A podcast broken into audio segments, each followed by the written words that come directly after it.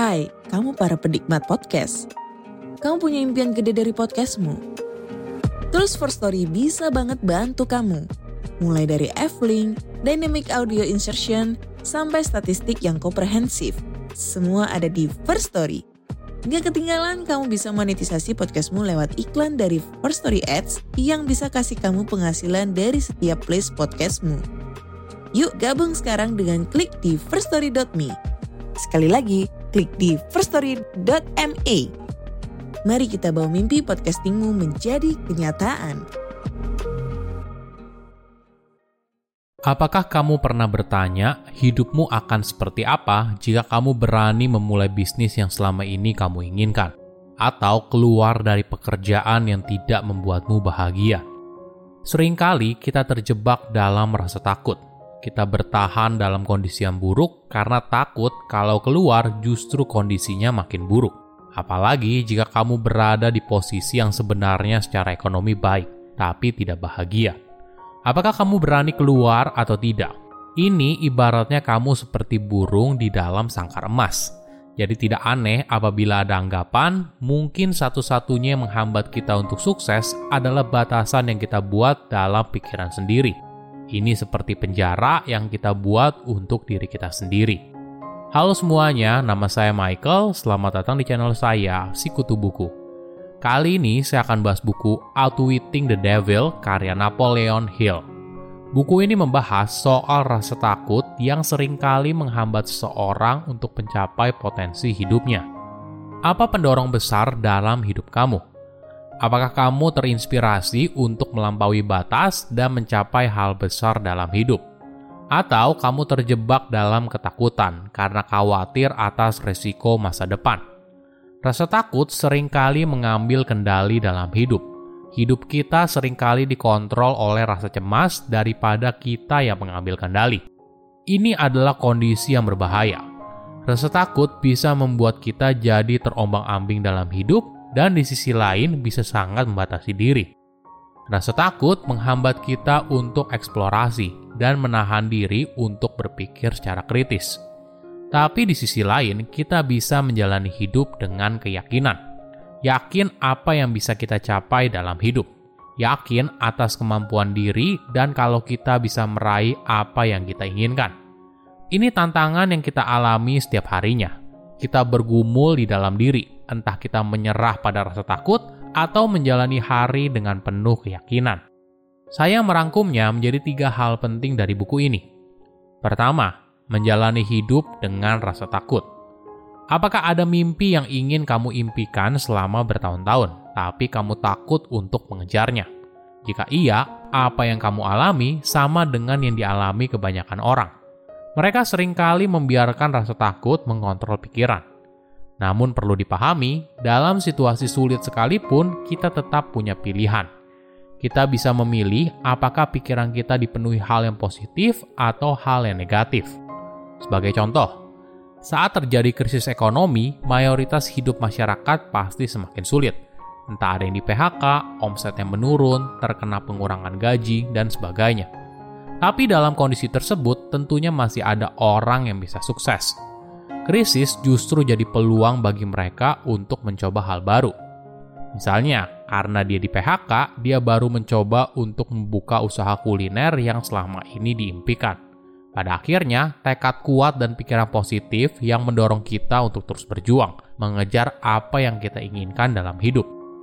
Jadi ingat, dalam hidup kita mungkin berada dalam situasi yang di luar kendali. Tapi meskipun begitu, kita tak punya pilihan apakah kita ingin fokus pada hal yang positif atau negatif.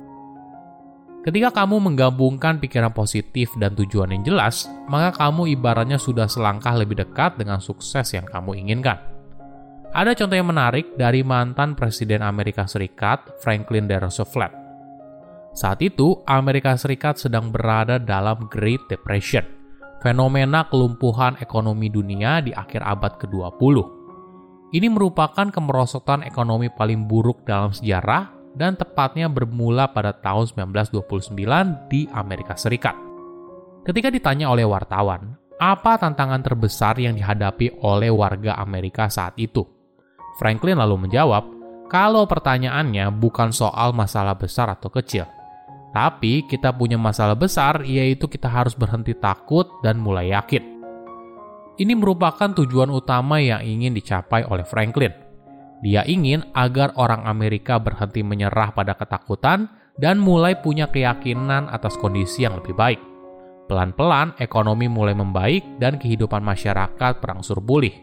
Inilah kekuatan dari berpikir positif. Ketika kamu memulainya dan punya tekad kuat untuk mengejar tujuan yang kamu inginkan, maka kamu akan sadar betapa efektifnya sebuah tujuan. Kedua, pilihan menentukan segalanya. Kamu mungkin pernah dengar perkataan, "Kamu adalah apa yang kamu makan." Tapi bagaimana dengan pilihan yang kamu buat? Bagaimana dengan orang yang ada di sekitarmu?